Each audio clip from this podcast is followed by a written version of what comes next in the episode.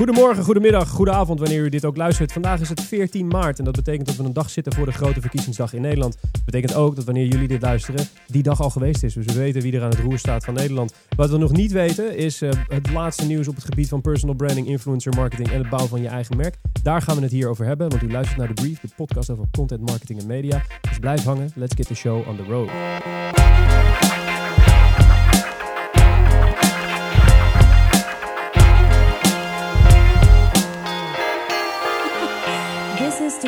Ja, zijn we weer terug in de studio. Aan mijn linkerhand zit zoals altijd een co-host. Nou was u eh, de vorige editie al net gewend aan het warme stemgeluid van Matthijs Stielman. Daarvoor hoorde u Frank Goren. Maar nu, vers terug van vakantie, Thomas Rozenkamp, de belo mediabelofte van het jaar. Ja, Thomas. Yes, Hi. weer. Hoe is het met je? Goed, ja. uitgerust. Uitgerust, kijk, daar houden we van. Heb je in je vakantie nog een beetje mooie content gezien? Uh, absoluut. Nou, eigenlijk in het vliegtuig heb ik uh, de documentaire uh, Winer gezien.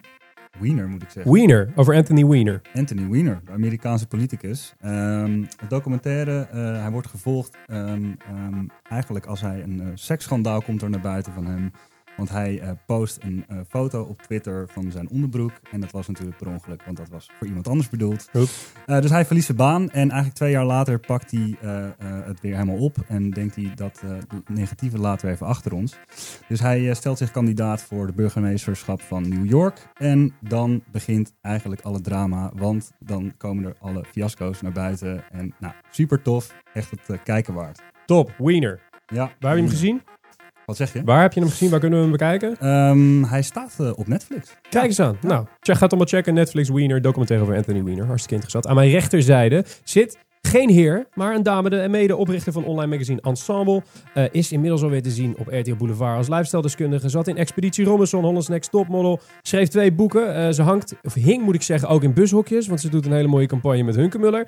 Uh, en ze spreekt op 23 maart, en dat is in de week waarin deze podcast uitkomt, op de Social Conference.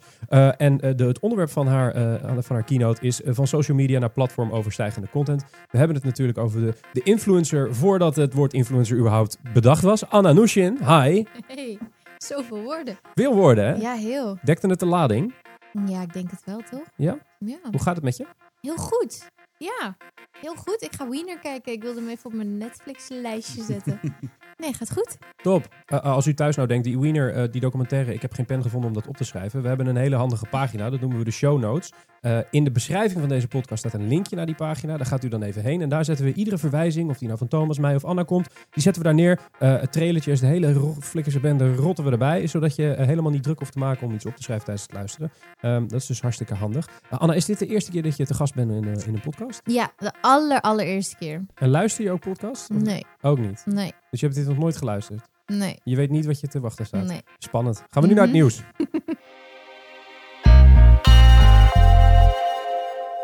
Het nieuws, en daar ben ik heel blij mee. Het eerste nieuwsitem van deze editie van de Brief gaat over klassieke content marketing. Komt bij ons via marketingonline.nl. En is eigenlijk een soort uh, discussie. Uh, die gaat, ja, eigenlijk de punten die tegenover elkaar worden gesteld. zijn campagne content versus klassieke content marketing. Dus campagne gebaseerde content versus ja, de, de klassieke longtail content marketing theorie. Um, in het stuk zet, zet Marketing Online zetten twee mensen naast, naast elkaar. Of eigenlijk tegenover elkaar moet ik zeggen. Art Lensing, creatief directeur van LVB Networks.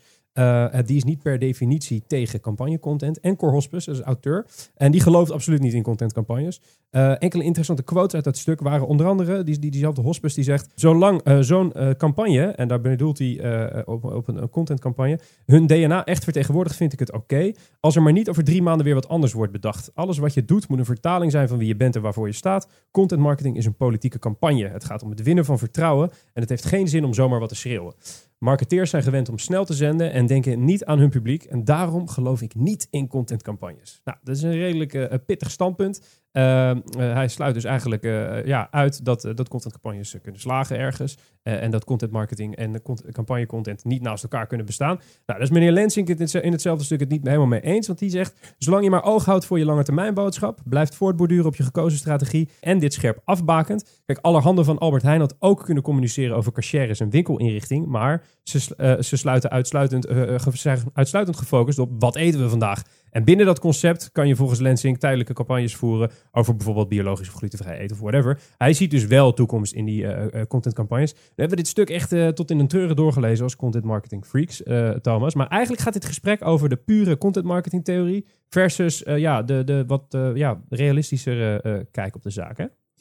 Ja, eens. En uh, de waarheid ligt denk ik altijd een beetje in het midden. Um, wij uh, van Wayne Parker Kent zeggen natuurlijk tegen onze adverteerders ook altijd dat het een uh, long-term game is en dat het niet voor de korte termijn is. Um, dus daar ben ik het ook wel mee eens. Um, de realiteit is echter dat je, om dat intern voor elkaar te boksen, toch ook wel wat proof voor de pudding nodig hebt. dus ja, waar, waar begin je dan, weet je wel?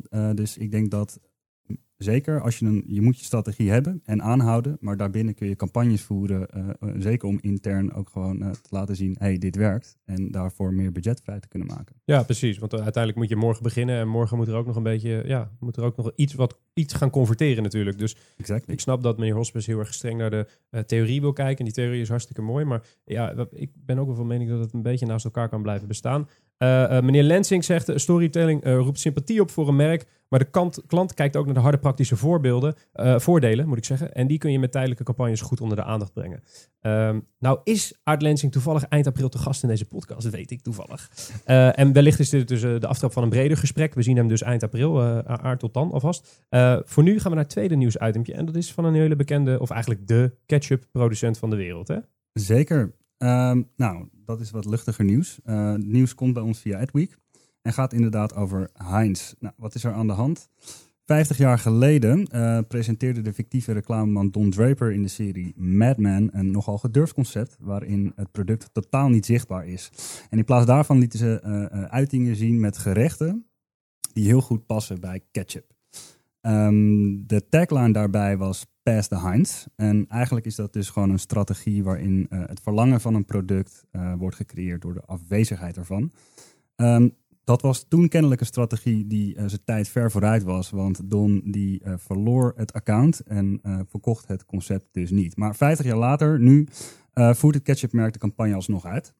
De uitingen die, die, die, in die serie worden gepitcht, die worden ook echt exact nagemaakt zoals ze daar zijn gepresenteerd. Uh, en worden in print en out-of-home vorm uitgebracht. En eigenlijk is dit een onderdeel van een, van een wat grotere PR-campagne, wat eigenlijk het tienjarig jubileum viert van de serie Mad Men.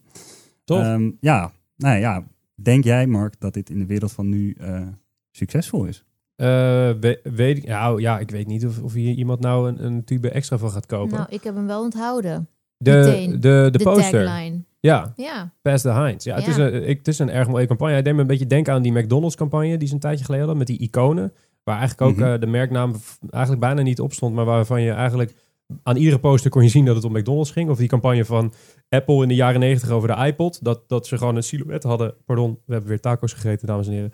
Uh, dat je gewoon een silhouet ziet en daarop een wit contour van een, uh, uh, van een oortje en een, en een iPod. En iedereen wist meteen over welk product het ging. Dus in die zin vind ik het wel, het is een super sterke uiting. Het is echt, en ik vind het ook heel tof dat Heinz dit uiteindelijk ook nog oppakt. Een briljante serie sowieso. Ja, ja heel tof. Nee, cool. Vet. Kunnen we die posters ergens bestellen nog toevallig? Kan dat? Denk het niet, hè? Nee. nee. Hey, uh, we gaan naar, de, naar de volgende nieuwsitem. Ik heb een vraag aan jou, Thomas. Stel hè, dat ik jou uh, vraag. Ik heb een, merk en het merk naam is een afkorting. En ik besluit om na jarenlang dat ik besta, ga ik, ja, waar die afkorting voor staat, dat ga ik veranderen. Dus ik ga mijn merknaam veranderen. Wat zeg jij dan als marketeer zijnde? Nou, vanuit branding perspectief is dat denk ik niet heel erg slim. Ha. Nou, heb ik, heb ik uh, god, wat goed opgezet van me, hè, dit. Jezus Christus. Uh, ik, heb een, uh, ik heb een case gevonden. Dat vond ik persoonlijk heel vet van de FA. Dat is de Football Association. Dat is eigenlijk gewoon de Britse KNVB, de voetbalbond. en die hebben een, hun afkorting hebben ze ja, tijdelijk als een soort van campagne hebben ze, die, hebben ze de bedoeling daarvan, of de, de, de, de, ja, waar het voor staat, hebben ze veranderd. het stond dus voor Football Association en de nieuwe brand promise is For All. FA for All. Uh, wat is for All? Nou, je, je, voelt hem al een heel klein beetje aankomen. Is een campagne om, uh, om uh, ja, voetbal te promoten onder alle soorten mensen of ander type mensen. Dat is een campagne waarin we eh, Casey Stoney onder andere zien. Dat is een eh, hele bekende, talentvolle vrouwelijke eh, verdediger van het Engelse elftal. Ik weet niet of ze daar nog steeds speelt, maar in ieder geval iemand die haar ja, echt heel veel furoren heeft gemaakt. En die vertelt eigenlijk over de struggle die zij had tijdens haar jeugd in, in een van de campagnevideo's. En hoe moeilijk het was om, om ja, op te klimmen als vrouw zijnde in eigenlijk een door mannen gedomineerde wereld. Ze hebben ook een hele mooie video gemaakt met James Blackwell. Dat is een, eh, gehandicapte sporter. Het, zijn, het is dus een hele mooie campagne die... Ja, het kost wel wat. eh, het, is, het toont wel ballen, vind ik, van, de van de FA. Die, die gewoon zegt: joh, eh, Football Association, we gooien dat gewoon even overboord. We gaan er gewoon lekker wat anders van maken. Eh, wat vind jij, eh, Thomas?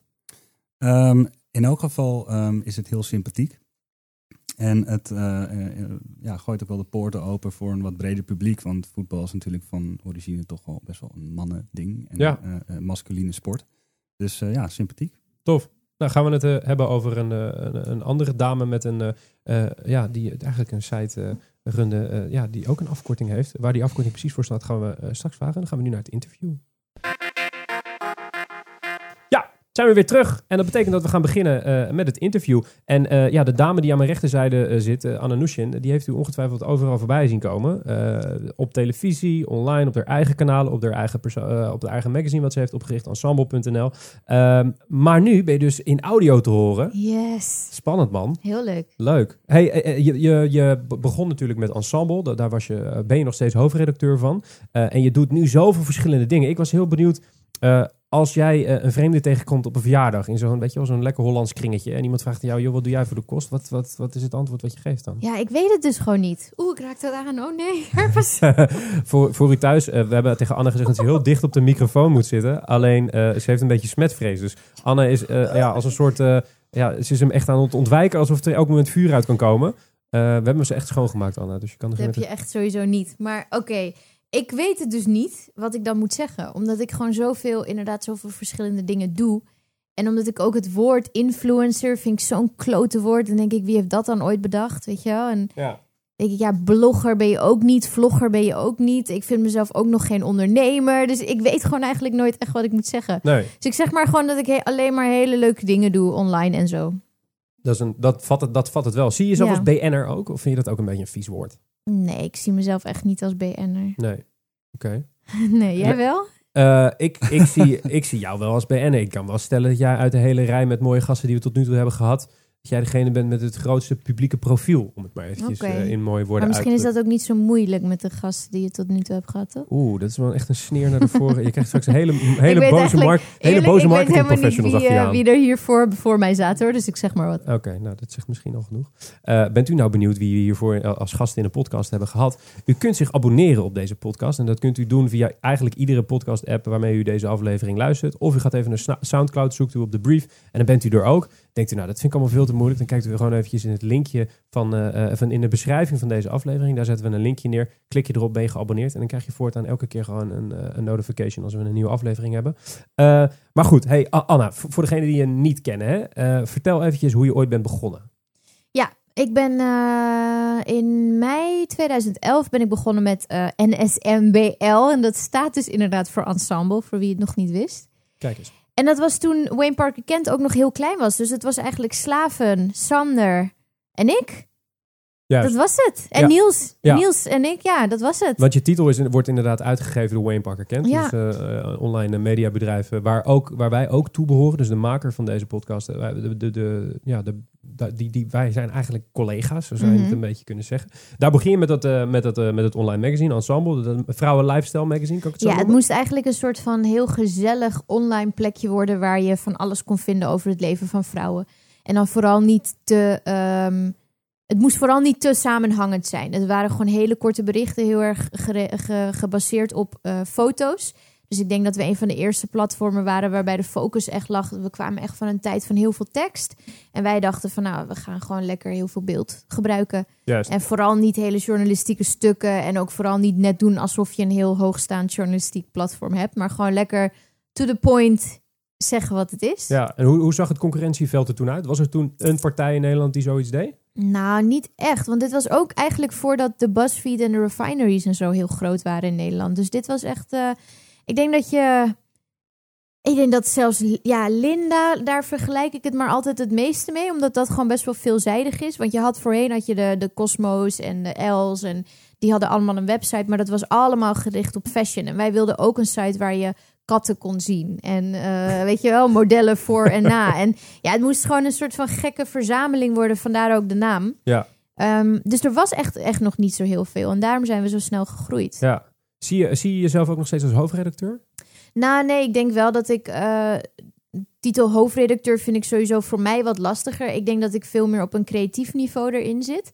En ik bedenk veel meer eh, waar we naartoe moeten met, met de richting. Weet je, het is nu veel moeilijker om als website overeind te blijven, omdat er nu wel veel meer concurrentie is en omdat die markt zo aan het zwichten is, zeg maar. Er is Mhm. heel veel verandering.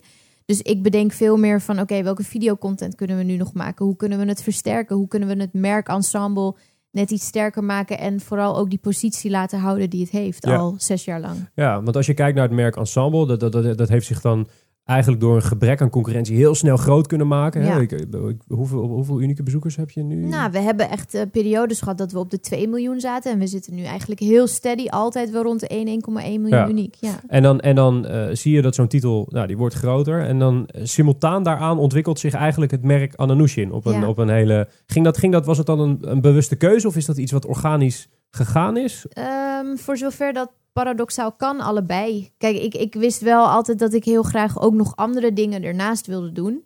Ehm, maar ik wist ook dat, eh, dat, ik, dat ik mezelf heel erg als het gezicht van ensemble wilde positioneren. Want ik geloof ook heel erg dat een titel dat zeker die eerste jaren nodig heeft. Ja. Maar op het moment dat ik ook zag dat bij ensemble, kijk, Laura en René, de twee hoofdeditors en nu ook Malou, dat zijn wel ook zulke sterke persoonlijkheden, waarbij het voor mij niet meer nodig was om alleen als gezicht op te treden. En ik Ja. denk ook dat het voor ensemble juist wel sterker is dat er meerdere mensen zeg maar de hoofdrol hebben en niet alleen maar ik. Ja. Ehm, maar ik voelde ook heel erg de behoefte inderdaad om een boek te schrijven en op tv dingen te doen. En dat doe je toch al snel vanuit persoonlijke titel. Ja. Zat er ook een reden achter waarom eh, je bent dan met ensemble.nl begonnen?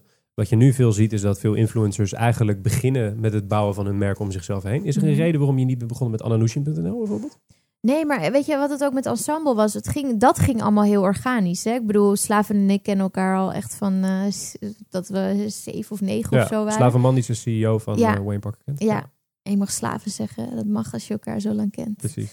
Ehm, dus nee, eigenlijk ging dat heel erg, echt heel, heel organisch. Wij begonnen zo klein en er was nog helemaal niemand. Wayne Parker Kent was er nog niet echt. Het was allemaal nog heel minimaal.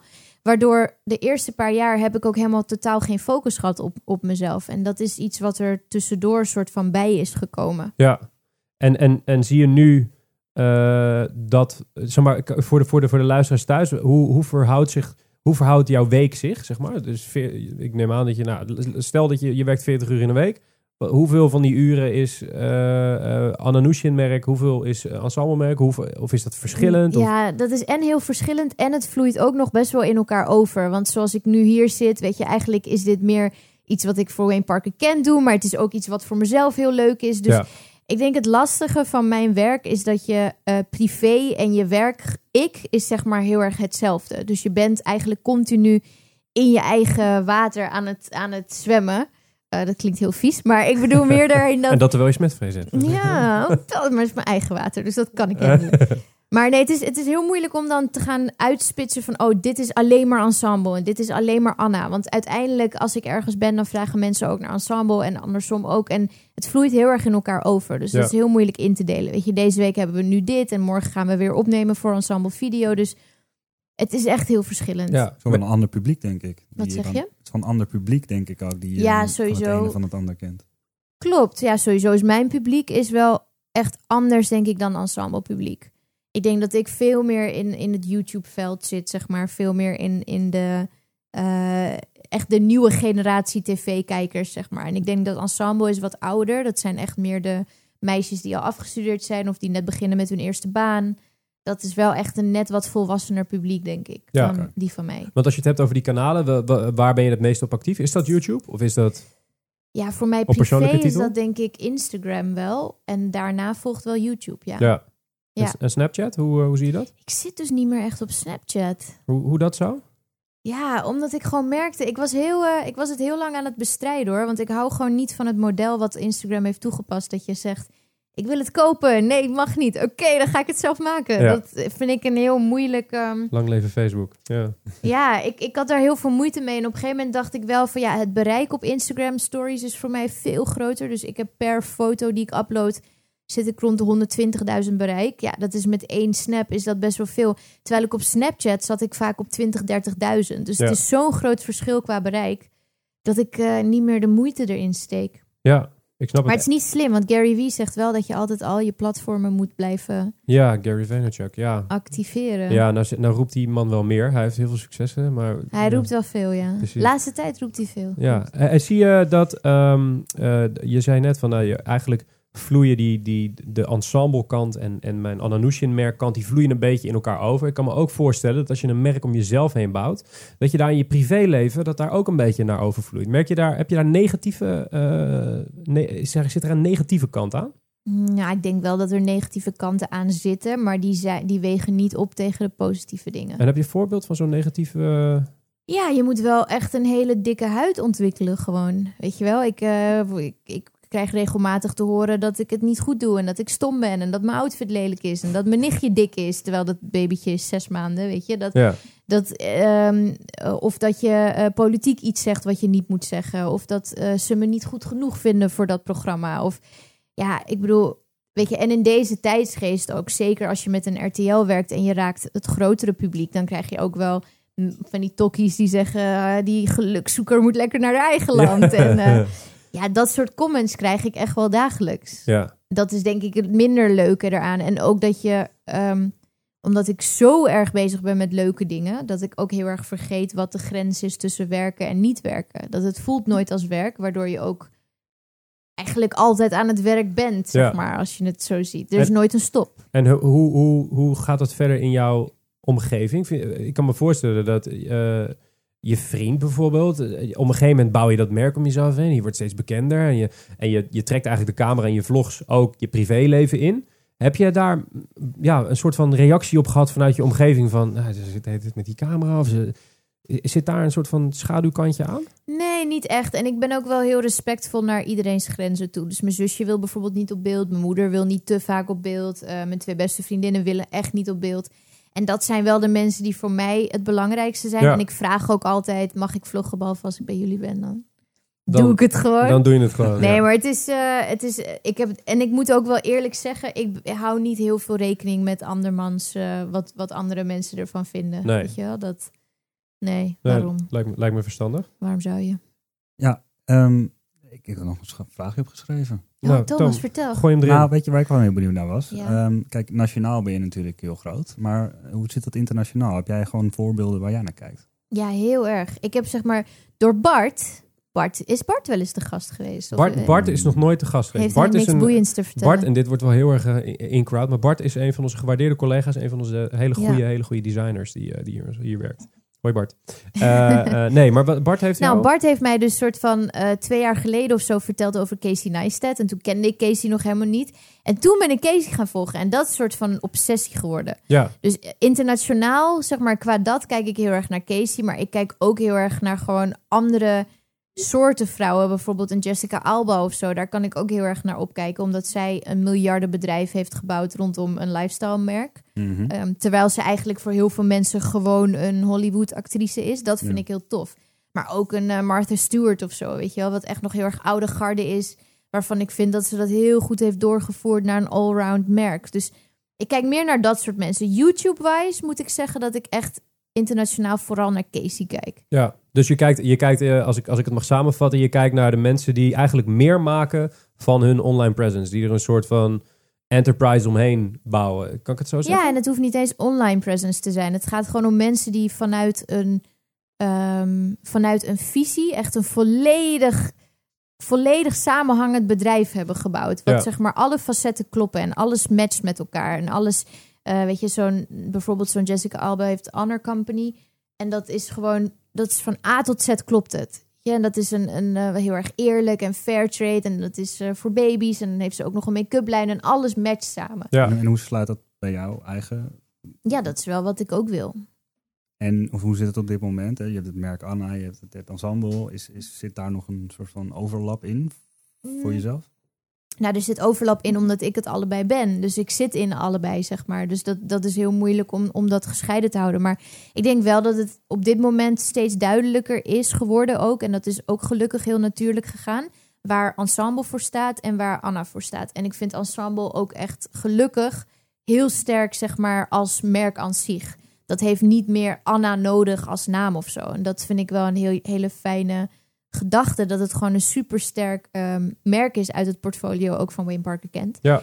En dat het echt wel voor iets staat. Weet je, het staat voor een bepaalde kwaliteit, het staat voor een bepaalde humor en cheekiness. En ehm, daar ben ik heel trots op dat we dat in zes jaar hebben neergezet. Ja, en dan, en dan, ben je, dan bouw je met ensemble bouw je dat bereik op. Weet je, dan, je wordt zelf word je, eh, een online celebrity, zoals ik het zelf altijd maar noem.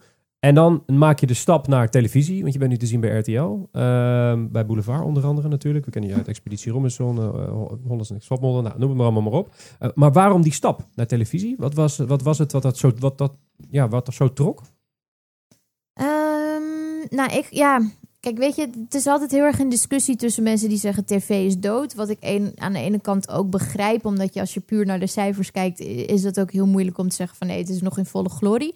Maar ik geloof wel heel erg in de kracht van tv. En dat, dat kan je ook niet ontkennen als je kijkt naar hoe hard ik ben gegroeid het afgelopen jaar. Ik geloof heel erg in eh, het massabereik wat het nog steeds heeft. Weet je wel? En voor mij was het zo dat ik al. Ik had inderdaad, ensemble was er opgezet. Ik had mijn eigen kanalen. En voor mij was de enige logische stap om verder nog de massa te bereiken, was televisie. Ja. En dat, is, eh, dat, is, dat blijkt ook helemaal geen gekke keuze te zijn. Want er zijn nog heel veel mensen die wel tv kijken. En nog heel veel mensen waar je soort van grond kan halen. Die dat nog niet wisten of die jou nog niet kenden. Ja, En die misschien langzamerhand overgaan op online of dat allebei willen gaan doen. ja. Maar ehm, het was voor mij niet een hele gekke beslissing. Hey, hoe reageerden jouw televisiecollega's eigenlijk als, op jouw komst als influencer? Ehm, Of eigenlijk als ja ik kan me inderdaad wel voorstellen dat dat... Zorgde dat voor een soort van... Was je een soort vreemde eend in de bijt? Nee, je- dat weet ik niet. Ja, ik ben altijd wel een beetje vreemde eend in de bijt. Maar dat ligt denk ik niet aan, eh, aan tv. Het ligt gewoon aan mijn awkwardness soms. Ehm, nee, ik heb het daar helemaal niet met, met die mensen over. Nee, het is ook wel... Ik, ik denk dat je ook niet zo naar je collega-presentators of zo kijkt. Het is Mhm. gewoon...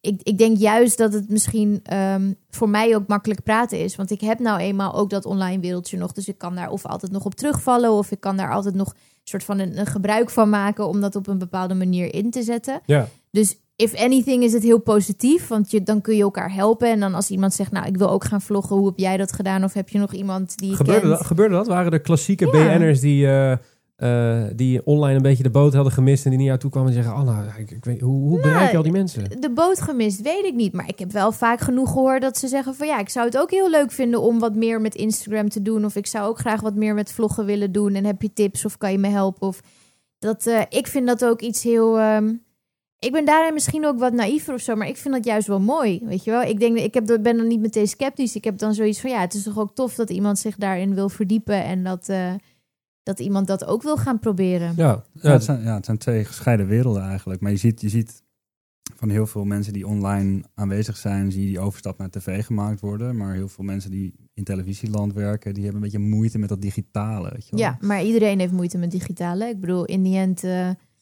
noemt men het nog steeds iets nieuws. Terwijl ik Ja, denk, nou, dat stadium zijn we toch wel al ver voorbij. Ik mag, ik, nou, ik, mag het, ik mag het hopen. Dat maakt ons iets zekerder over onze banen. Ja, Eh, maar eh, zie je wel dat het, eh, zie je wel dat zo'n dat, dat imago van zo'n van influencers in het algemeen wordt dat wordt dat nu serieuzer genomen? In- Ik kan me namelijk herinneren dat in het beginnen en dan heb ik het nog niet eens over twee of drie jaar geleden, werd er een Ja. beetje lacherig over gedaan in de media ook. Werd het vaak beschouwd als een trend en iets voor de jongeren en iets voor de jeugd en iets wat, mis- wat misschien wel over zou waaien. Nu ben jij op televisie en kan je met recht zeggen dat je in totaal meer mensen bereikt dan de gemiddelde BN'er. Dat is gewoon zo als je kijkt naar de statistieken. Merk je dat er vanuit die wereld ook met wat meer respect wordt gekeken? Of word je, word je serieuzer genomen in die zin?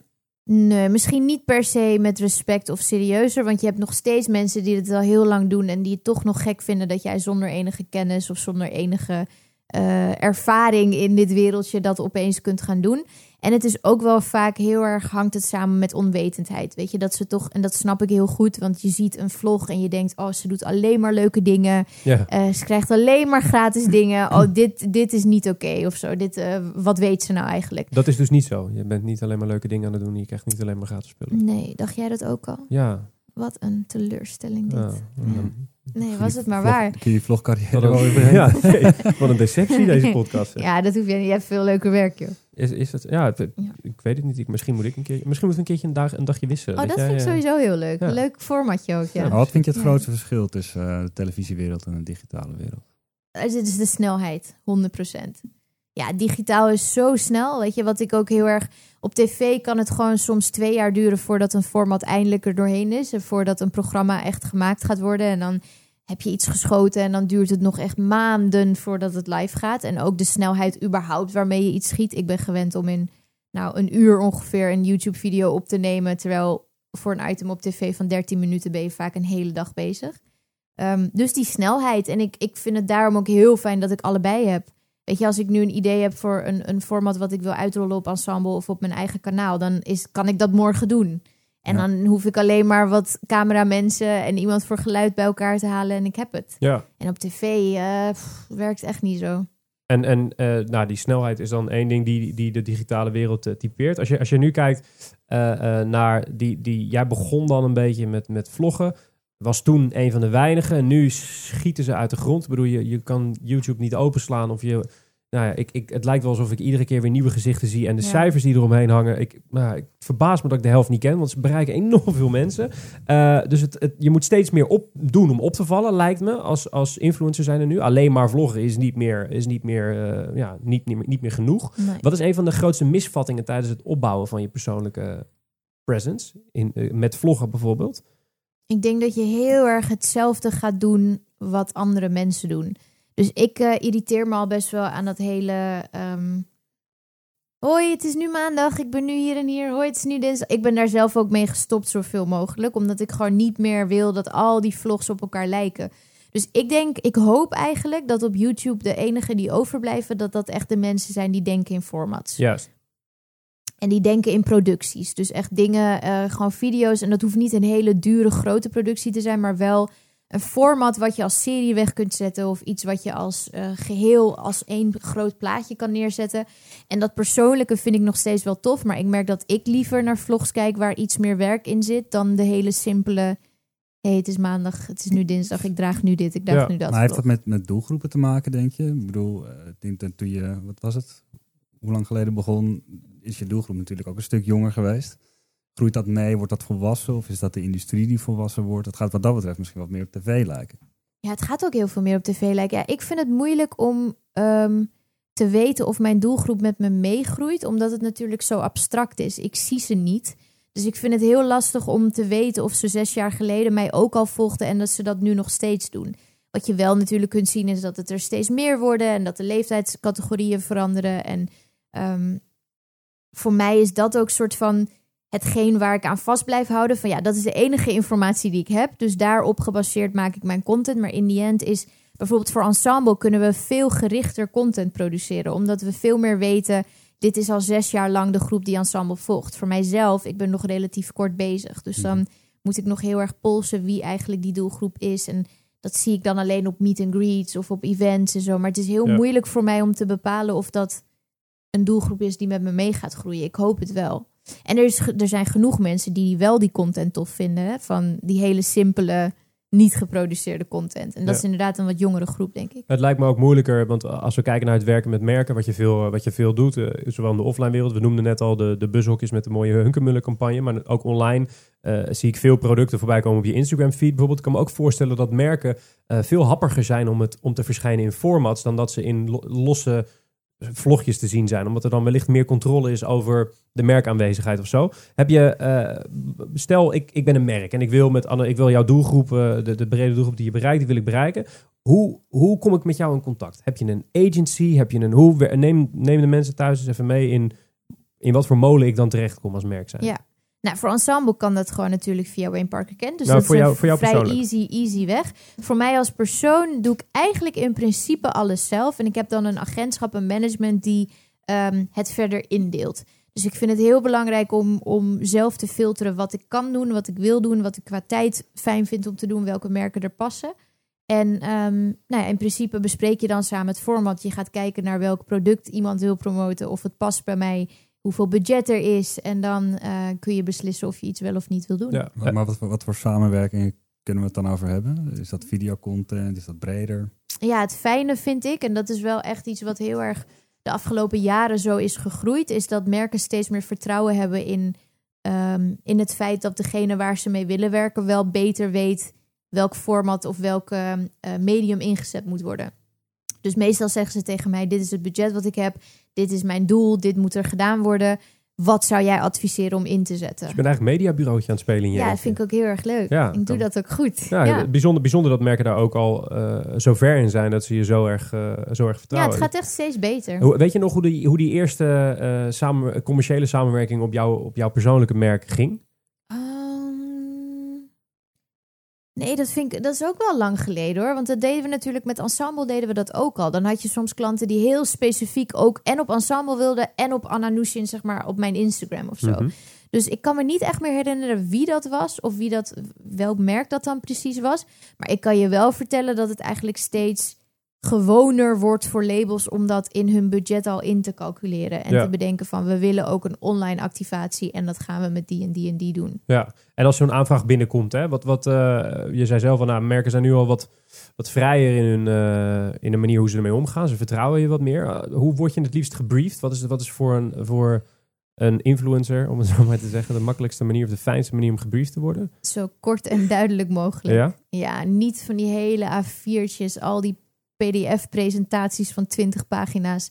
Ik wil gewoon eigenlijk in drie bullet points of zo weten wat je doel is, wat, wat het product is en ehm, wat je ermee wil bereiken. Ja. En dan kan ik ook heel eerlijk zijn van, nou, dit, ik, ik kan bijvoorbeeld nooit sales garanderen. Ik kan ook nooit views garanderen. Ik kan je wel manieren geven waarop dat makkelijker eh, te behalen is. Maar als dat je specifieke doelen zijn. Ik zeg ook heel veel nee, hè. Ik zeg echt tegen, denk wel 85% zeg ik nee. Wat is dan de overwegende eh, reden om nee te zeggen? Is dat omdat het doel niet strookt met de manier hoe jij dingen doet, bijvoorbeeld? Ja, omdat ze vaak andere verwachtingen hebben of omdat ik het product niet vind passen. Kijk, als iemand van tevoren bij je komt en eh, eh, ze zeggen we willen echt 15% meer sales hierna.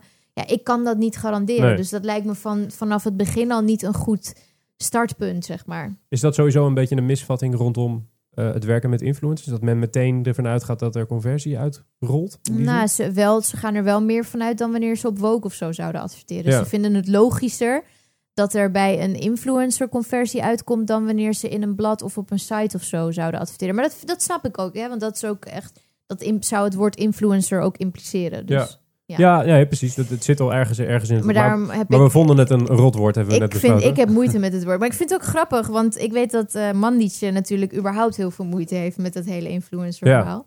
Ja. Daarom- Maar waarom heb je moeite ermee dan? Ik heb er geen moeite mee. Oh, met het woord. Ja, met het woord. Ehm, omdat ik vind dat het heel erg een marketingterm is om iets te begrijpen en om iets in een hok te plaatsen. En omdat ik bijvoorbeeld nooit wakker ben geworden met de gedachte: ik wil influencer worden, ik wil invloed hebben op mensen, zo'n Dr. Evil plannetje. Omdat het gewoon puur een, een begrip is voor merken om te snappen wat jij doet, zeg maar. Maar het, het, is, het geeft ook heel veel druk, want je kunt geen invloed uitoefenen op een doelgroep. Je kunt ze wel jouw mening ehm, vertellen en je kunt ze vertellen waar jij voor staat en hopen dat ze dat delen. Mhm. Maar ik vind influencer als nou, woord... mis- misschien is het een wat te, te dwingend woord, maar ergens heb je natuurlijk wel... eh, er is een reden waarom merken met je willen wer- eh, werken. Dat is niet omdat het niet werkt. Eh, er Nee. gaat iets goed, denk ik. Dus dit, misschien is het indirecte invloed. Dat zou, dat zou kunnen. Jij zegt van, ik, ik ben nooit wakker geworden en ik, met de gedachte, ik wil influencer worden. Ik denk dat er nu heel veel jongens en meisjes zijn die dat wel denken. Ehm, heb jij last van die, van die wildgroei aan, aan jongens en meisjes die dat nu doen? Worden merken, als ze willen werken met je, worden die kritischer? Vragen ze naar andere dingen dan dat ze voorheen deden? Nee, helemaal niet. Als er iets gebeurt, eh scheidt het het kaf van het koren, zeg je dat zo? Ja, Nee, ik vind, ik vind concurrentie houdt me lekker schelp. Scherp. Schelp? Scherp. scherp. Ja, Toch die taak. heel scherp. Ja. Nee, maar dat is echt, eh, dat is echt zo. Ik, ik, ik ga daar best wel goed op. In die zin dat ik heel erg hou van... ehm, ik wil dan heel graag het beste zijn in wat ik doe. Mhm. Juist. En, en, en eh, de, de laatste keer dat ik influencers, eh, negatief of in ieder geval de influencer, influencer cultus, om het zo maar te noemen, negatief in het nieuws zag, was een tijdje geleden toen er de vraag werd gesteld, is het wel allemaal zo verantwoord, al die merkaanwezigheid in die, eh, in die filmpjes? Voornamelijk de filmpjes die gericht zijn op een wat jonger publiek. Mhm. Nu, nu eh, trek jij veel jonger publiek. Ik weet niet of ze zo jong zijn dan dat ze minderjarig zijn. Ik denk het eigenlijk niet. Maar hoe, hoe sta jij daarin? Wat, wat, hoe, hoe ga jij daarmee om? Is, zijn er bijvoorbeeld merken waar je per definitie niet mee werkt? Of hoe, Ja. hoe geef je het aan als je, als je commerciële content eh, eh, maakt voor je publiek? Ik geef het altijd aan met eh, op Instagram altijd met partner. Dus dan zie je gewoon dat het met een partner is gemaakt. En op ehm, YouTube staat het eigenlijk altijd in, in de beschrijving van dat stukje is met die en die samengemaakt. Of dit is in samenwerking met merk X. Ja. En ja, ik vind het weer zo. Het, mensen moeten altijd iets hebben om over te zeiken, toch? En ik, ik vind het gewoon grappig dat het eigenlijk in alle andere media is het heel erg eh, geaccepteerd en wordt er niet moeilijk over gedaan. Maar op YouTube is het, is het, is het een heel ander verhaal. Ja, ik denk dat het, ik denk, het punt wat ze wilden maken was voornamelijk dat het ge- ge- getarget was op minderjarigen, waar je eigenlijk geen reclame voor mag maken. Ja. Ehm, maar goed, zoals gezegd, Ja, ik, weet, ik, heb weet niet. geen Ik weet niet. minderjarige bezoekers in principe. Hè. Er zal heus wel een deel bij zitten. Ja. Maar ehm, in principe zijn mijn volgers wel meer richting de 18, 20 kant. Ja. Dan dat ze echt 14, 15 zijn. Hoe, hoe reageren ze op het moment dat je commerciële content maakt? Krijg je wel eens reacties van eh, het is sluikreclame of het is... eh, Ja, nou ja, kijk, ja, soms denken ze wel dat iets gesponsord is als het echt niet gesponsord is. En daarbij, daarbij is het gewoon een beetje lastig om. Ehm, want ik weiger ook om van alle scènes in een vlog te gaan zeggen: minuut 1 tot 10 is niet gesponsord, minuut 11 is niet gesponsord, minuut 12 tot en met 14 is in samenwerking. Dus ik kies ervoor om enkel te benoemen wanneer ik inderdaad ben betaald om iets te promoten. Dat, dat staat er altijd bij. Dat vind ik ook heel normaal om te doen. Uh, maar je gaat niet over alle verdere dingen die je in je leven doet erbij zetten dat het niet gesponsord is. Want dan, dan is het ver te bij? zoeken, zeg maar. Ja. Dus ik merk wel dat mensen altijd heel kritisch zijn en dat ze. ehm, ze worden, consumenten worden wel steeds kritischer, ja. Ja. Ze zijn ook sneller beledigd, zeg maar. Ze hebben heel erg vaak het idee dat je ze eh, een beetje om de tuin probeert te leiden. Juist. Eerlijk blijven naar je, naar je publiek. Dus daar kunnen we Ja, maar je kunt dat ook maar tot zover doen. Hè? Als iemand soort van erop geheid is om, om een, een fout te vinden in je aanwezigheid of in je persoonlijkheid, dan gaan ze dat geheid wel vinden. Maar ga jij daar nu anders mee om dan, als je, als je dit merkt? Nee, maar ik antwoord wel altijd. Dus als ik merk dat iemand eh, een comment achterlaat of een vraag heeft of zo, dan probeer ik het wel altijd uit te leggen. En ik ben ook gewoon een mens. Hè. Ik was bijvoorbeeld één keer op Bali, had ik een, ehm, was een samenwerking live gekomen. En door tijdsverschil, omdat die video was ingepland, had ik nog niet de beschrijving kunnen invullen. En dan zie je wel heel veel comments van, nou, volgens mij is dat gesponsord en heb je dat er niet bij gezet. Vind ik toch echt jammer. Denk ik, ja, ik, je bent ook gewoon menselijk, weet je. Ja. Als in, I just woke up. Het is zes uur later daar of eerder, weet ik veel. En dan, dat zijn wel momenten dat je even denkt van... oh, jammer, ik had het graag anders gedaan. Maar goed, nee, Ja. ik, kan er, ik kan er niet heel veel anders mee omgaan dan ik dat nu doe. Dus transparantie is eigenlijk een woord.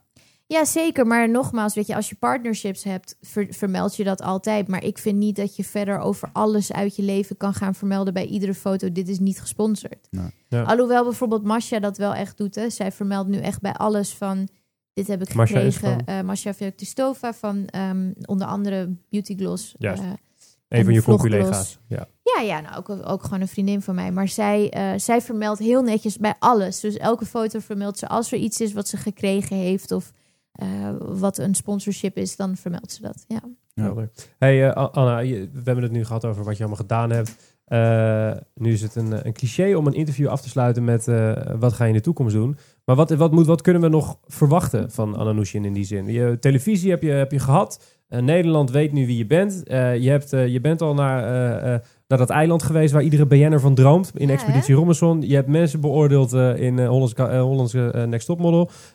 Online ben je aanwezig. Buitenland? Wat, wat, hoe, wa- wat ga je doen? Ga je Ja, een bedrijf ook. oprichten? Ga je... Ook. ook nee, maar al? ik ben echt net bezig, hè, vind ik. Ik, ehm, ik blijf gewoon wel programma's maken, hoop ik, op tv. En ik blijf YouTube doen. En ik blijf ensemble uitbreiden, dat het gewoon sterker wordt. En ik wil een, een, echt een productlijn ernaast. En ik wil een productiehuis ernaast. En ik wil gewoon heel veel. Ik vind dat ik echt net ben begonnen. Oké, dan kijken we uit naar, eh, naar je volgende stap. We hebben altijd een vaste slotvraag. Mhm. Eh, en dat is, eh, wat is de beste content die je de afgelopen tijd hebt gezien? Dat mag van alles zijn. Een eh, musea, een film, een serie, een artikeltje, een whatever. Is er iets wat je de afgelopen tijd hebt gezien waarvan je denkt... Dat moeten die, eh, dat moeten die gasten en hun publiek even, even zien. Ja, toch die video van Casey Neistat, Do What You Can't. En die was voor... Die is van een Nike? week geleden ongeveer. Nee, nee, nee. Dat is echt een video wat hij zelf heeft gemaakt. En eh, hij is gestopt met vloggen, wat ik echt heel jammer vind. Die mis ik nog steeds, die Ja. vlogs, dagelijkse vlogs. En hij maakt dus af en toe nu gewoon video's die hij wil maken. En dit was daar een van. En het heeft... Het is zo goed. Ik heb het vijf keer achter elkaar afgespeeld. En eh, ik kijk hem nu nog steeds om de dag of zo om even weer... Het is gewoon zo sterk in elkaar gezet. En het gaat heel erg over alle haters. En over alle mensen die altijd maar zeggen dat iets niet kan. Een boodschap voor alle haters van Casey Neistat. Nou, die kunt, u, die kunt u vinden in de show notes. Eh, die zijn te vinden op www.wayneparkerkent.com slash podcast. We weten het, dat is een hele lange URL. En daarom stoppen we een linkje in de beschrijving van deze podcast. Kunt u hem daar vinden. Anne, hartstikke bedankt voor je komst naar de studio. Heel graag gedaan. Vond je het gezellig? Ik vond het heel gezellig. Mag ik vaker komen? Je mag absoluut vaker komen. Vind ik, vinden we hartstikke leuk. Sowieso een dame in de podcast is altijd welkom. Eh, eh, dan gaan we straks naar de Slow and Quick Loss. Maar eerst even dit. Deze podcast is een initiatief van Wayne Parker Kent. En bij Wayne Parker Kent zijn we altijd op zoek naar talenten die ons kunnen versterken. De openstaande vacature van deze week is Senior Interaction Designer. Kijk voor alle vacatures op wayneparkerkent.com jobs of klik op het linkje in de show notes van deze aflevering. Ja, daar zijn we aangekomen bij eigenlijk onze enige rubriek eh, van de podcast. Dat is de, de Slow Win Quick Loss. De Slow Win Quick Loss is eigenlijk heel simpel. De Slow Win gaat naar een bedrijf, een entiteit, een merk, een whatever. Die de afgelopen twee weken iets heeft gedaan waarvan wij denken, nou, daar ben je lekker bezig. En de Quick Loss gaat naar een, een merk, entiteit, merk of whatever. Naar, eh, ja, die iets gedaan hebben waarvan we zeggen, eh, jammer, had beter gekund. De Slow Win, we beginnen positief. Die is voor jou hè Thomas, volgens mij? Zeker. Ja, die gaat naar een, een man, een autistische man, genaamd Jelle Bakker. Ehm, Jelle die heeft in zijn vierde één grote passie en dat is het bouwen van knikkerbanen. Wauw. En hij heeft daarom ook de bijnaam de Marble Master. Nou, wat voor knikkerbanen maakt hij dan? Eh, eigenlijk van alle soorten maten, van hele kleintjes die je gewoon aan de muur kan hangen. Maar hij heeft er ook eentje eh, gebouwd in het pretpark Hellendoorn van meer dan een kilometer lang. Nou waarom krijgt Jelle de slow win? Ehm, hij heeft nu meer dan 158.000 subscribers op YouTube. Dat is best wel een succes te noemen dus. Eh, en hij schijnt er ook een aardige boterham mee te kunnen verdienen eh, uit advertentieinkomsten. Daar hij krijgt dus de slow win, omdat ik van mening ben dat goede content en dus hoge engagement niet enkel is weggelegd voor de grote bedrijven eh, met heel veel geld. Dus hij is het levende bewijs dat als je gewoon focus hebt en je daar gewoon volledig voor gaat, dat je ook gewoon eh, en daar op een consequente manier op inspeelt, dat het gewoon eh, succesvol kan zijn. Dus daar kunnen heel veel merken, wat mij betreft, nog wel een voorbeeld aan nemen. En dan wil ik afsluiten met een, met een quote van de site van Jelle. Oh, hij pakt zijn blaadje. heeft Jelle ook andere hobby's? Ehm, en dan is het antwoord: Ik ben niet alleen maar met mijn knikkenbanen bezig. Zo reis ik heel Europa af om grote zwembaden en waterparken te bezoeken met allerlei glijbanen. Dan ben ik immers zelf de knikker. Nou, Ja, dat is pure, mooie, pure toch? poëzie. Pure poëzie, echt heel mooi.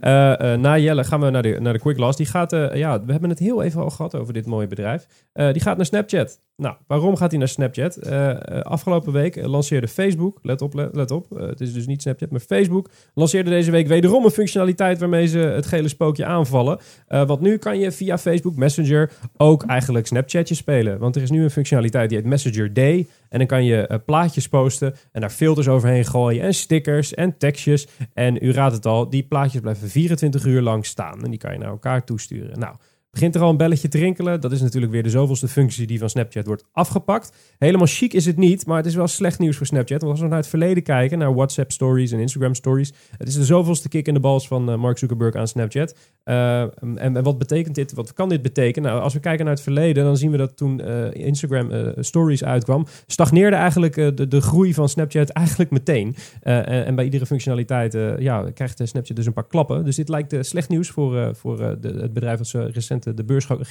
de beurs opging. Voor zo godsliederlijk veel geld. Eh, ik voorspel dat Snapchat in een typische race to the bottom zit. Ik denk dat Facebook ze helemaal gaat opeten, want ze maken geen winst. De groei stagneert, het dagelijks gebruik stagneert. En ik ben heel erg blij dat ik geen aandelen in Snapchat heb. Dat brengt ons tot het, aan, het, aan, het einde alweer. We zijn aan het einde. Dat ging echt verdomd snel dit keer. Eh, eh, de brief eh, wordt zoals elke editie gemaakt door The Agency. Dat is het creatieve bureau van Wayne Parker Kent. U kunt zich abonneren op deze podcast. Dat kan via wayneparkerkent.com slash podcast. Of eigenlijk via iedere grote podcast app waarmee je dit ook luistert.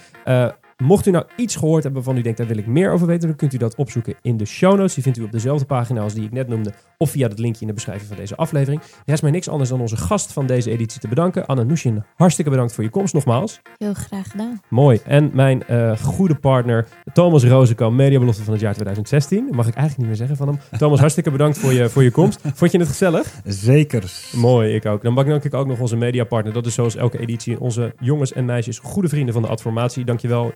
Uh, productie is zoals iedere editie in handen van Kevin Eiken. Die heeft geen microfoon, maar zoals iedere editie gaat hij wel wat zeggen. Yes. En de redactie wordt zoals iedere editie gedaan door Jill Roderijs. Ook geen microfoon, gaat wel wat zeggen.